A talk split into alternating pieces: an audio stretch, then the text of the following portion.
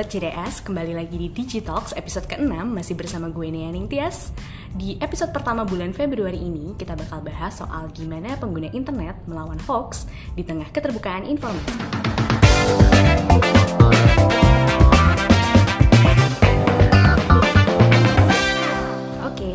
Selamat bulan Februari teman-teman. Januari kemarin kayaknya panjang banget ya. Tapi syukurlah sekarang Februari udah datang. Mari kita sama-sama jalani 29 hari Februari yang baru akan datang kembali di 4 tahun lagi.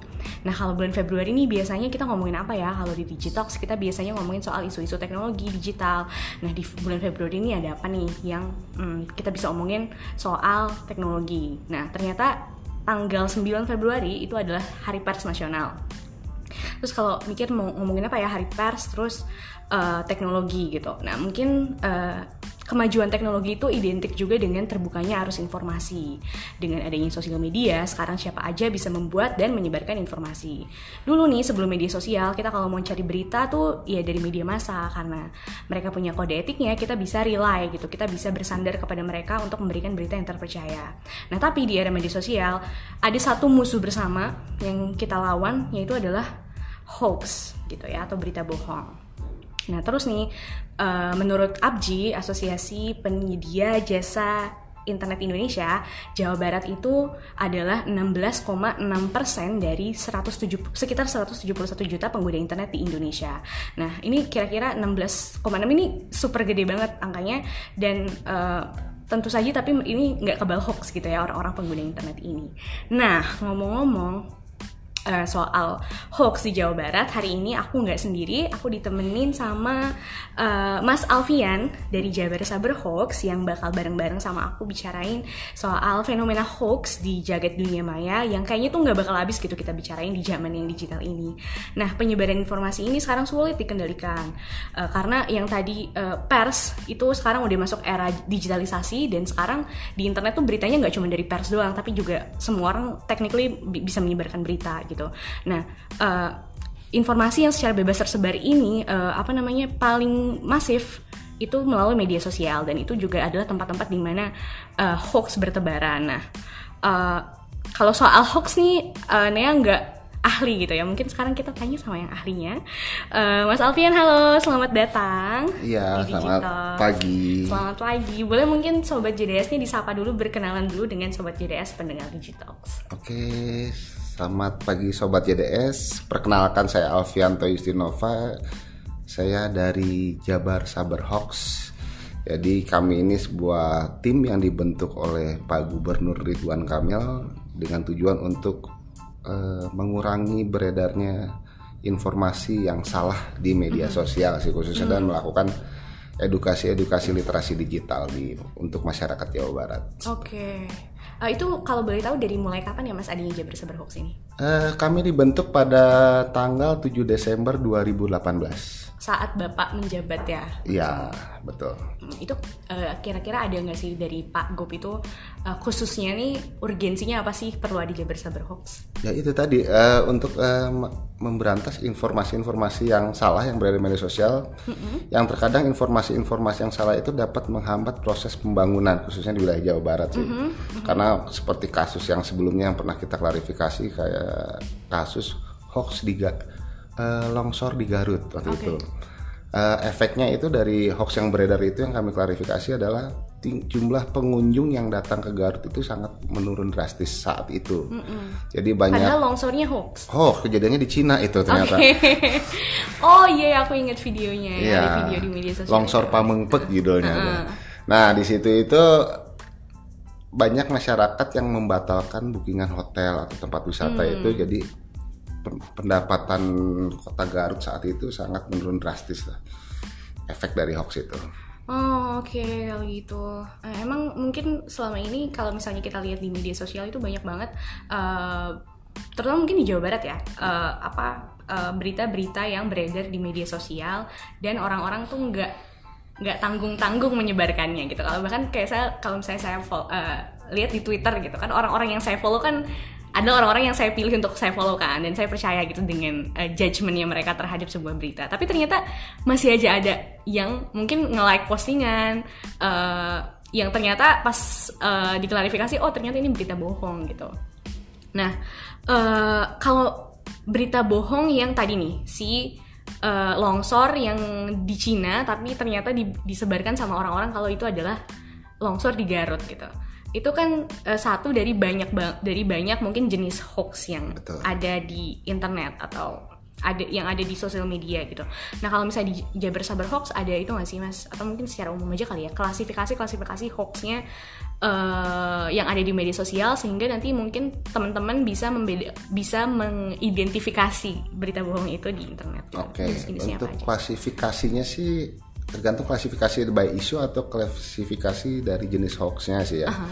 eh, kalau dari jenis hoaxnya kita menggunakan format dari ini ya Uh, kita ada tiga, ada misinformasi, disinformasi, dan malinformasi sih hmm. sebetulnya. Misinformasi itu adalah informasi yang tidak sengaja sih sebenarnya, tidak ada niatan uh, untuk menyebarkan informasi yang salah karena hmm. masyarakat ketidaktahuan masyarakat okay. jika informasi itu hmm. salah. Misalnya itu hoax-hoax kesehatan sih sebenarnya kan. Okay. Kemudian disinformasi adalah hoax-hoax yang dimanipulasi, benar-benar kontennya dimanipulasi Sementara ada malinformasi adalah informasi yang benar sih sebenarnya, mm-hmm. bukan informasi yang salah, tapi tujuannya untuk menjatuhkan seseorang, okay. atau suatu kelompok seperti itu. Uh, malinformasi aku baru dengar sih. Kalau kalau misinformasi sama disinformasi udah sering baca. Ya, kita juga oh, fokusnya di mis dan disnya sih. Oke, okay. oke, okay, iya baru itu ya learn something new every day. oke, okay, ternyata ada malinformasi ada. gitu ya namanya. Nah, uh, kalau mungkin boleh sambil diceritain aja kali ya Mas, kalau Jabar Sabar Hoax tuh gimana sih cara mengklarifikasi hoaxnya dan uh, gimana cara masyarakat melaporkan kepada Sabar uh, Jabar Sabar Hoax untuk mengklarifikasi berita gitu. Oke. Okay. Jadi kita menerima aduan-aduan dari masyarakat itu melalui kanal-kanal media sosial kita sih ya. Hmm. Kita ada di semua kanal media sosial kita ada di Facebook, ada di Instagram, ada di Twitter, ada di Line dan juga ada hotline di, di WA seperti oh, itu. Okay. Jadi kalau untuk memfollow bisa follow akun-akun Jabar Sabar Hoax di @jabarsabarhoax. Tapi hoaxnya pakai KS ya. Uh. Karena ada akun yang abal-abal pakai X masalahnya juga. Oh, serius. Iya. itu jangan-jangan dia mau menyebarkan hoax aja uh, sama Jabar Sabar Hoax. Bisa jadi itu logonya sama ya gitu. Oh, okay. uh, terus kemudian uh, yang Facebook kan di official @jabarsabarhoax. Kemudian untuk nomor WA di 0821 186 70 700. Hmm. Untuk proses pengklarifikasiannya kami setelah menerima aduan kami akan langsung melakukan pengecekan. Mm -hmm. Mungkin bisa cepat, mungkin bisa lama juga sih, tergantung dari hoax yang beredar. Mm. Karena kalau tahun sekarang itu hoax yang beredar banyak sebetulnya. Tapi mayoritas didominasi oleh hoax-hoax lama. Hoax 2015, 2016, 2017, 2018 kayak gitu yang selalu berulang Terus ditambah sekarang selain itu ya hoax virus corona sih hmm, yang lagi, lagi karena hoax itu musiman sih sebenarnya kalau saya analisa sih. Tergantung, Tergantung musim. dari isunya ya, apa gitu ya. Ntar lagi mungkin biasanya bulan Februari hoaxnya hoax Valentine biasanya. Oke, okay. Iya. dan itu tiap tahun terjadi, ya. terjadi. ya. Menurut ya menurut Mas Alvin kenapa sih pola itu bisa terjadi gitu kayak tiap tahun tuh ada kayak misalnya sedang ada wabah gitu pasti mm -hmm. nanti ada hoax hoax yang beritanya tuh dulu hoaxnya dipakai buat virus yang ini terus sekarang virus yang ini hoaxnya sama lagi gitu ya betul jadi kayak kasus yang kaleng himbauan dari Kementerian Luar Negeri atau Dubes ya mm -hmm. tadi saya lupa mm -hmm. judulnya jika uh, ada kaleng dari Cina makanan kaleng dari Cina itu mm -hmm. mengandung virus, virus corona. corona sebenarnya itu hoax yang sangat lama yang dulunya itu dari dubes dari Thailand. Uh-huh. Virus makanan kaleng dari Thailand mengandung virus HIV. Itu narasinya sama. Sama, iya. sama persis hanya kata HIV diganti corona uh-huh. dan kata Thailand diganti dengan Cina. Hanya seperti itu sih manipulasinya. Tapi sebenarnya itu hoax lama sih. Oh, oke. Okay. Iya, agak lucu gitu. Soalnya kadang aku juga kalau baca kayak kayaknya pernah denger gue tapi bukan virus corona gitu. Tapi Hah, agak itu ya. Nah, terus nih Mas, uh, di Jawa Barat tadi kan aku mm. udah sebutkan kalau misalnya di Jawa Barat itu kontribusi pengguna internetnya sampai 16,6% di Indonesia dan itu mungkin itu sangat gede banget karena di Indonesia aja ada 30-an provinsi, terus Jawa Barat sendiri itu 16% gitu. Itu kan angka yang sangat besar. Nah, uh, apa seberapa banyak sih Mas kayak mungkin yang udah diterima oleh Sabar Hoax laporan hoax itu? laporan hoax itu yang sudah kami terima sih bisa dari ribuan ya? Ribuan? Ribuan. Aduan yang masuk ke kami udah di atas 5000 oke. Okay. terakhir berapa ya? Saya lupa datanya belum diupdate. Tapi setahu saya terakhir udah enam ribuan sih. Itu kebanyakan dari Jawa Barat? Atau semuanya dari Jawa Barat? Ah macam-macam. Ada yang dari luar Jawa Barat bahkan ada yang dari luar negeri juga okay. seperti itu hmm. karena banyak orang-orang mungkin dia orang Jawa Barat yang tinggal di luar negeri yang ingin mengetahui informasi yang beredar di Jawa Barat hmm. sih mengenai hoax yang di daerahnya tapi berarti dia uh, isunya adalah isu Jawa Barat kebanyakan, uh, kebanyakan sih isunya nasional, ya. nasional. ya mm -mm, okay. karena saya perhatikan sih Uh, hoax yang beredar secara skala nasional itu pasti akan selalu viral di Jawa Barat karena uh. terbanding lurus dengan jumlah populasi dan oh. jumlah pengguna internet yang terbesar di Indonesia adalah di provinsi Jawa Barat seperti itu. Oke, okay, iya. Ini nih eh, kita kemarin baca ada riset gitu ya hmm. uh, dari akademisi media dari Unpad Terus mereka melakukan riset kepada 480 responden dari berbagai wilayah di Jawa Barat. Terus mereka menemukan bahwa ada eh, uh, 30% responden punya kecenderungan untuk menyebarkan berita hoax kayak gitu. Dan itu tuh menariknya adalah uh, variabel-variabelnya yang kayak usia, gender, tingkat pendidikan itu tuh tidak tidak mempengaruhi kecenderungan mereka untuk menyebarkan hoax gitu. Jadi uh, siapa pun itu 30% responden memiliki kecenderungan untuk menyebarkan berita hoax gitu. Nah itu menurut uh, uh, menurut Mas Alfian atau misalnya dari dari pattern yang terjadi dari aduan-aduan itu tuh kenapa sih orang uh, bisa termakan hoax bahkan yang pendidikannya cukup tinggi? Gitu. Iya betul karena beberapa waktu lalu juga ada dosen yang ditangkap karena menyebarkan hoax mm -hmm. atau apa begitu kan. Jadi uh, intinya sih welcome to post truth era. Oke. Okay. jadi kita sekarang hidup True. di era post truth. Jadi di mana apa ya kasarnya itu fase di mana masyarakat mengabaikan pendapat dan mengedepankan berita palsu. Mm. Jadi singkatnya sih eh, post truth itu masyarakat tidak lagi mempercayai fakta. Oke. Okay. Eh, masyarakat hanya percaya pada informasi yang dikonstruksi sebagai kebenaran berdasarkan seleranya. Jadi bukan kasarnya itu bukan faktor benar atau salah saat ini, mm. tapi faktor suka atau tidak suka. Oke. Okay. Jadi watak post truth itu ya kasarnya ya kayak apa ya? Kayak cinta buta lah karena tidak lagi memperdulikan yeah. fakta hanya memperdulikan perasaan yeah, seperti keinginannya itu keinginannya apa pengennya pokoknya itu ya mm -hmm. kayak people what, believe they what they want to believe jadi uh, selain itu juga masyarakat ini saat ini pengaruh dari perkembangan teknologi saat ini juga sih mm -hmm. dikarenakan uh, algoritma dari media sosial oke okay.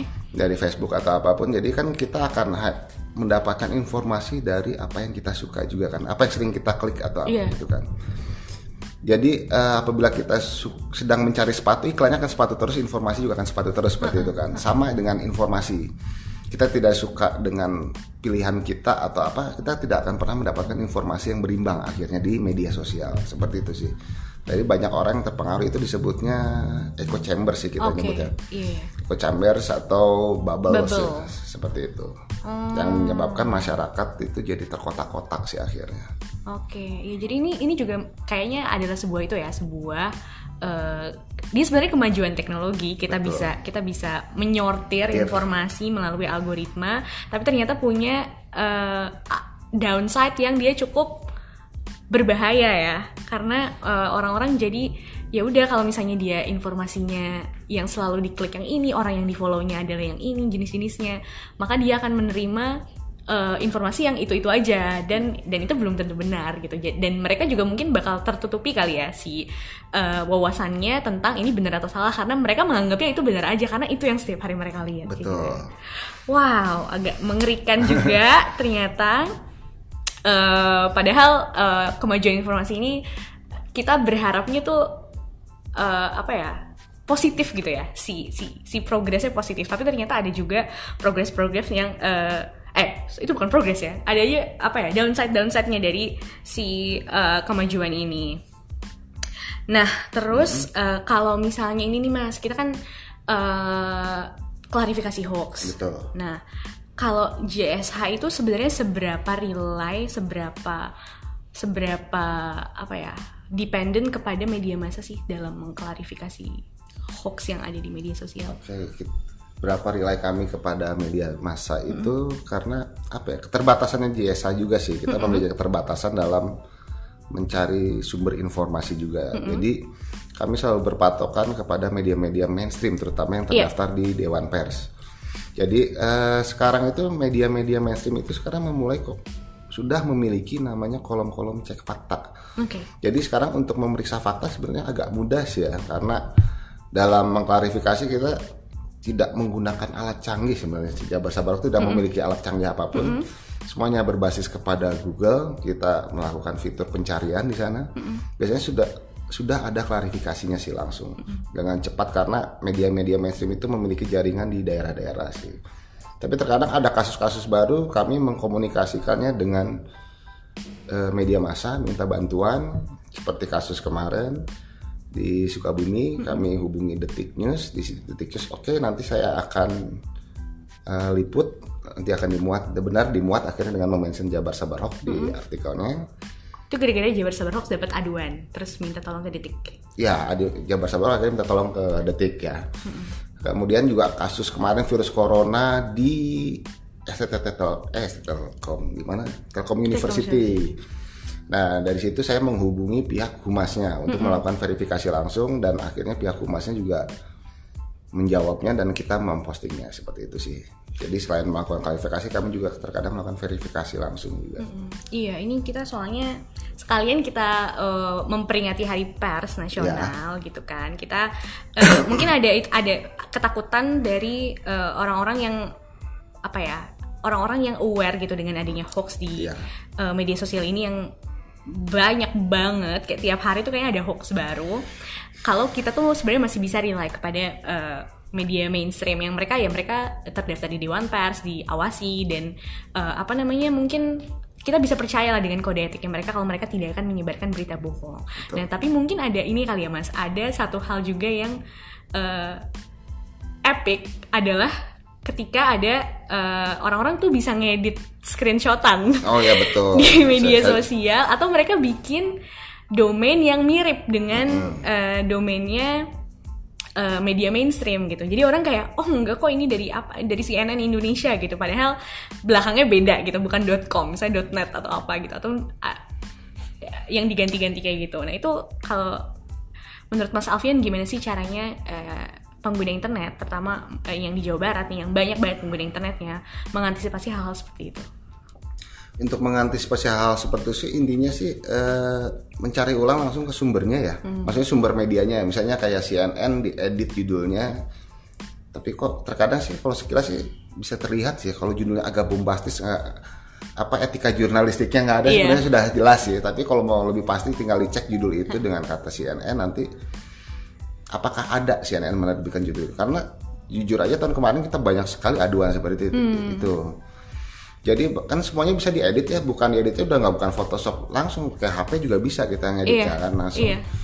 Di situ nanti bisa diedit judulnya, tanggalnya, narasinya, semua bisa diedit. Tapi kadang kita berpatokannya ada satu yang kadang miss ya mereka tanggalnya dikurang, jamnya lupa diedit. Iya. cari yang jam yang sama aja kita detik jam segini, tanggal segini judulnya ya ini gitu kan.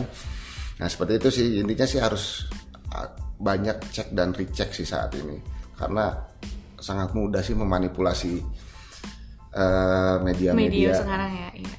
Eh, terus oh mungkin tadi Mas Alfian sebut kayak kalau misalnya lo lihat judulnya udah bombastis gitu nah itu harus langsung alert ya kayak masa kayak eh, Kompas gitu men- menerbitkan berita yang eh, apa judulnya bombastis itu langsung harus kayak aduh ini kayaknya bohong nih coba gue cek gitu Iya. jadi pendengar Digitox kalau misalnya eh, lihat screenshotan di media sosial atau misalnya ada link yang eh, domainnya terdengar meyakinkan tapi kalau misalnya judulnya bombastis perlu diwaspadai gitu ya Nah, ini ada lagi nih. Ternyata dari si riset yang tadi, dia juga menyebutkan kalau eh, orang, karakter orang yang kecenderungannya hoaxnya tinggi adalah orang yang merasa kalau mereka adalah opinion leader gitu. Jadi kalau misalnya orang ini merasa dia tuh dipercaya sama orang lain, dia memiliki kecenderungan yang lebih tinggi untuk menyebarkan hoax. Nah, Mas ini kalau dari kalau dari eh, aduan-aduan yang masuk nih ke Jabar Sabar Hoax tuh ada gak sih karakteristik sebenarnya eh, hoax ini nyebarnya gimana? Oleh orang-orang seperti apa gitu? sebenarnya untuk tokoh-tokoh public figure juga ada sih ya. Sebenarnya tujuannya sih bukan hoax ya. Hoax juga sih sekarang agak-agak hoax sih. Tapi dia tujuannya penggiringan opini sih ya Oke. jatuhnya. Karena Malinformasi yang tadi. Ya malinformasi atau misinformasi juga terkadang pernah juga ada beberapa kasus pejabat yang membuat misinformasi karena dia mempercayai ini dari tokoh juga dia ikut menyebarkan akhirnya kan dipercaya oleh follower followernya dia kan biasanya sih yang kayak gini begini biasanya kita selalu dapatnya di pemantauan di Twitter Oke. karena kan kita tahu ya Twitter lebih cepat ya kan informasinya. Nah di situ akhirnya ya emang sih eh, masyarakat tuh lebih percaya ketokohan sih masih berpengaruh lah faktor figur di Indonesia itu sangat berpengaruh sih. Berarti kayaknya kalau misalnya orang yang followersnya banyak gitu atau dia atau dia orangnya adalah orang yang sangat dipercaya oleh publik gitu. Berarti justru orang yang kayak gitu yang harus lebih berhati-hati dalam menyebarkan informasi. Betul seperti tahun politik kemarin kan banyak kasus ya pernyataan-pernyataan dari tokoh-tokoh politik. Mungkin dari mereka hanya untuk iseng atau lucu-lucuan untuk menggiringkan opini, tapi kan yang Yang percaya berberantem atau apa ribut akar rumput di bawah Iya. akhirnya kan yang percaya seperti itu sementara mungkin yang di atas ya nggak tahu. hanya seperti gitu Oke, oke. Nah, terus nih ada lagi soal uh, media sosial. Kan uh, Jember Hoax tadi disebutkan kalau uh, banyak mengklarifikasi berita-berita yang menyebar di media sosial. Nah, uh, terus katanya risetnya Unpad ini uh, ka- apa banyak eh eh, platform platform media sosial itu juga mempengaruhi kecenderungan untuk menyebarkan hoax gitu. Nah kalau aduan yang masuk ke Jabar Sabar Hoax sendiri paling banyak tuh dari mana mas? WhatsApp WhatsApp itu paling banyak. tapi sebenarnya agak susah juga ya karena dari WhatsApp juga aduannya itu screenshotan dari Facebook Screenshot di IG nah seperti itulah atau aduan masuk ke Facebook screenshotan eh, broadcast WA Oke. nah seperti itu sih jadi sebenarnya kalau mau banyak beredar sih sebenarnya di Facebook tapi untuk aduan yang masuk ke kita masuknya lewat WhatsApp tapi Oh, sebenarnya oke. ya itu ya Oke. Facebook, IG, Twitter di screenshot dikirim ke WhatsApp Oh oke, berarti pertanyaannya ganti kalau gitu. Eh, hoax yang menyebar Ya. itu biasanya paling banyaknya tuh sumbernya dari mana mas? Oke, Facebook mungkin. Facebook ya? Ya, Facebook tuh paling banyak orang menyebarkan hoax. Betul. Aduh. Oke, nah itu tuh biasanya kalau ada nggak sih karakteristiknya? Kayak misalnya gini, eh, di WhatsApp tuh biasanya hoax jenis apa? Kalau di Facebook tuh hoaxnya tentang apa? Misalnya kayak gitu ada nggak mas? Kalau WhatsApp itu biasanya broadcast broadcast sih, banyak kan ya kayak broadcast virus corona yang sekarang sangat banyak beredar.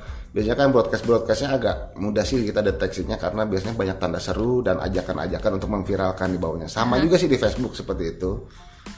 Tapi Facebook mungkin lebih menggunakan gambar atau video sih seperti itu. Kalau di WhatsApp juga ada sih menggunakan gambar atau video, tapi lebih mayoritas yang narasi bentuknya hanya narasi. Hanya narasi aja, terus mereka nggak klaim itu misalnya ini berita A1 Nah, ya satu ada klaim atau satu klik ketik amin ya Iya. sebarkan biar masuk surga seperti itu kan ya biasanya kan Aduh ya itu agak lucu juga. Tapi setiap saya klarifikasi atau tanyakan ini sumbernya dari mana? Dari grup sebelah paling kan? Nah, Sebelahnya sebelah mana sebelah mana nanti ditanyakan grup sebelah lagi. Terus saja dan seterusnya. Aduh iya. Oke. Terus kalau gitu ada nggak sih mas ini pertanyaan lucu aja? Kalau hoax terajaib gitu, terunik atau ter apa ya pokoknya ter lah ini apaan sih gitu? Itu apa sih mas yang pernah diklarifikasi oleh Jabar Sabar Hoax? Apa ya? Waktu itu banyak sih. Kita yang lucu-lucuan sampai kita di dikomplain sama netizen itu ini kan lucu-lucuan ngapain diklarifikasi? Gitu Ah oke. Apa ya? Contohnya Om Telolet itu buatan Yahudi. Oke. Ah. ya semua hoax semua hoax itu pernah di dikatain Yahudi gitu ya. Pernah di pernah dibilang Yahudi gitu Yahudi atau artinya aku dajjal atau apa gitu ya. Macam-macam sih banyak sih yang lucu-lucuan sih. Emang tujuannya untuk mungkin satir ya. Iya. Tapi emang sih tingkat literasi masyarakat kan tidak semuanya sama makanya kita klarifikasi karena mungkin bagi kita yang tinggal di apa ya kota-kota besar mungkin paham itu satir. Tapi mungkin untuk yang di daerah apakah mereka paham itu adalah satir? Karena walaupun dikatakan trompet itu haram atau apa jadi kayak gitu kan om telolet juga kayak dampaknya kan kayak trompet aja ya yang trompet disebut haram segala macam akhirnya dampaknya penjualan trompet menurun drastis seperti itu kasihan kan pedagang-pedagang seperti itu efeknya tuh bisa ke ekonomi juga Bisa, ternyata ya. bisa. Selain tadi di awal disebutkan kalau misalnya Jabar Sabar hoax, ada tuh terutama karena eh, hoax bisa mempengaruhi pembangunan gitu. Hmm. Ini padahal cuman hoax tuh kayak apa ya? Kayak ya lo ng- ngomong sesuatu hal yang salah, tapi ternyata impactnya tuh Oh ada lagi yang lucu saya besar. ingat. Apa tuh mas? Jadi kemarin itu ada narasinya dan sebuah gambar Mhm. itu narasinya bertuliskan truk membawa rudal sudah masuk ke Indonesia Oke. akan perang lah seharusnya Hmm. memprovokasi seperti itulah narasinya. Setelah kita lihat sekilas aja nih truk membawa paku bumi sebetulnya Oke. untuk membuat jalan Jalan tol. Dan itu ada dua kita temukan kasus seperti itu. Itu jadi mungkin orang bilang itu nggak percaya tapi kok ada lagi muncul lagi, dibikin lagi dibikin lagi ada yang percaya dan ada yang menyebarkannya sih seperti itu. Sebenarnya itu paku bumi tapi dibilang itu adalah rudal, seperti itu. itu kayaknya yang pas yang kedua kalinya. Ini kayak ada yang belum lihat ya gue post lagi ya. Oke nah itu tadi Mas Alvin udah cerita soal gimana satir atau misalnya hal-hal yang sebenarnya itu lucu kali ya tapi bisa menggiring opini juga beberapa orang yang literasi digitalnya mungkin cukup rendah. Nah jadi aku mau nanya nih soal literasi digital. Eh, sekarang udah digital terus eh, Jabar nih terutama JDS yang sedang berusaha mendigitalisasi Jawa Barat. Tapi kita punya satu masalah besar yaitu adalah eh, digital divide. Ada kesenjangan digital di Jawa Barat. Jadi di kotanya mah udah ya. Kalau kita mah sudah biasa menggunakan aplikasi sudah bisa membaca memilah-milah berita di internet. Tapi banyak juga eh, masyarakat di Jawa Barat yang mereka belum punya aksesnya nih ke apa ya ke infrastrukturnya ke internetnya bahkan ada yang belum punya gitu. Nah ini kan ketika mereka nanti diperkenalkan kepada eh, internet kepada infrastruktur digital itu pasti sangat prone sangat apa sangat rentan lah ya kepada hoax itu sendiri. Nah menurut Mas Alfian ini gimana nih? Seberapa penting sih literasi media literasi digital kepada warga Jawa Barat dan menurut Mas Alfian, menurut pandangan Mas Alfian, gimana sih caranya kita mengedukasi masyarakat supaya bisa lebih digitally literate gitu? Oke. Kita harus lebih banyak mengedukasinya sih turun ke daerah-daerah ya sebetulnya ya karena saya melihat itu banyak program literasi digital itu diadakannya justru malah di kota-kota besar ya. Saya udah beberapa kali ikutan pelatihan atau training dan jadi narasumber juga di situ tuh yang datang tuh kasarnya orang-orang yang peduli literasi digital malah. Yang peduli bukan yang membutuhkan ya? Bukan. Jadi yang datang lu lagi lu lagi gitu kasarnya kan. saya punya acara yang datang dia, dia punya acara yang datang saya. Hanya kayak tukar-tukaran gitu. Oke. Dia kan justru yang dibutuhkan adalah pelatihan-pelatihan literasi digital itu di eh, pelosok-pelosok wilayah sih seperti itu. Memang banyak yang mengkritik kenapa harus di pelosok-pelosok karena di sana kan belum tentu ada internet, orangnya belum tentu punya handphone. Nah, justru itu kata saya mereka harus diedukasi karena eh, permasalahannya terkadang bukan dari merekanya tapi dari orang yang datang dari kota. Mungkin anak yang kuliah di kota besar atau apa memberikan informasi yang salah akhirnya. Toh nanti dia akan bertahap secara bertahap eh, dengan adanya pembangunan di Jawa Barat pasti akan terkoneksi dengan internet suatu saat nanti kan. Nah itu yang harus banyak diedukasi karena ada beberapa informasi itu hoax itu beredar ya di forum RW atau apa seperti itu kan. Jadi harus perbanyak literasi digital ke daerah-daerah seperti itu. Iya, Aku setuju banget sih yang kata Mas Alfian tadi soal eh, lah ngapain literasi digital di pelosok padahal orangnya belum tentu memiliki eh, hal-hal yang digital gitu ya. Padahal cepat atau lambat pasti bakal kena gitu. Apalagi dengan di Jawa Barat ini eh, akselerasinya lumayan cepat sekarang dan kita juga pengennya sih sekarang semua desa, semua eh, kampung-kampung di Jawa Barat tuh punya akses internet. Karena manfaatnya tuh banyak banget juga gitu bisa memudahkan. Kalau misalnya mereka punya produk bisa jualan gitu kan. Tapi kita juga nggak boleh menutup mata kalau misalnya eh, hoax ini yang sebenarnya kayak receh gitu terdengarnya tapi padahal penting banget itu tuh yang harus sangat diantisipasi ya mas ya gitu. Nah, mungkin eh, sedikit terakhir soal eh, udah ada belum sih mas si upaya-upaya literasi digital yang dilakukan oleh Jabar Sabar Hoax? Oh, sudah sih. Eh, tahun kemarin kita melakukan sosialisasi untuk edukasi itu di 13 kota dan kabupaten di Jawa Barat. di Jawa Barat Ya, tahun ini sih rencananya baru ada tujuh. Jadi emang rencananya kita akan keliling se-Jawa Barat untuk melakukan uh, edukasi seperti itu sih. Bentuknya seperti apa tuh mas? Jadi bentuknya kita uh, pertama itu sosialisasi atau pengenalan adanya Jabar Sabar Hoax mm -hmm. di Provinsi Jawa Barat. Mm -hmm. Kemudian kita akan mengedukasi mengenai ciri ciri-ciri berita hoax, dampak berita hoax kayak seperti itu.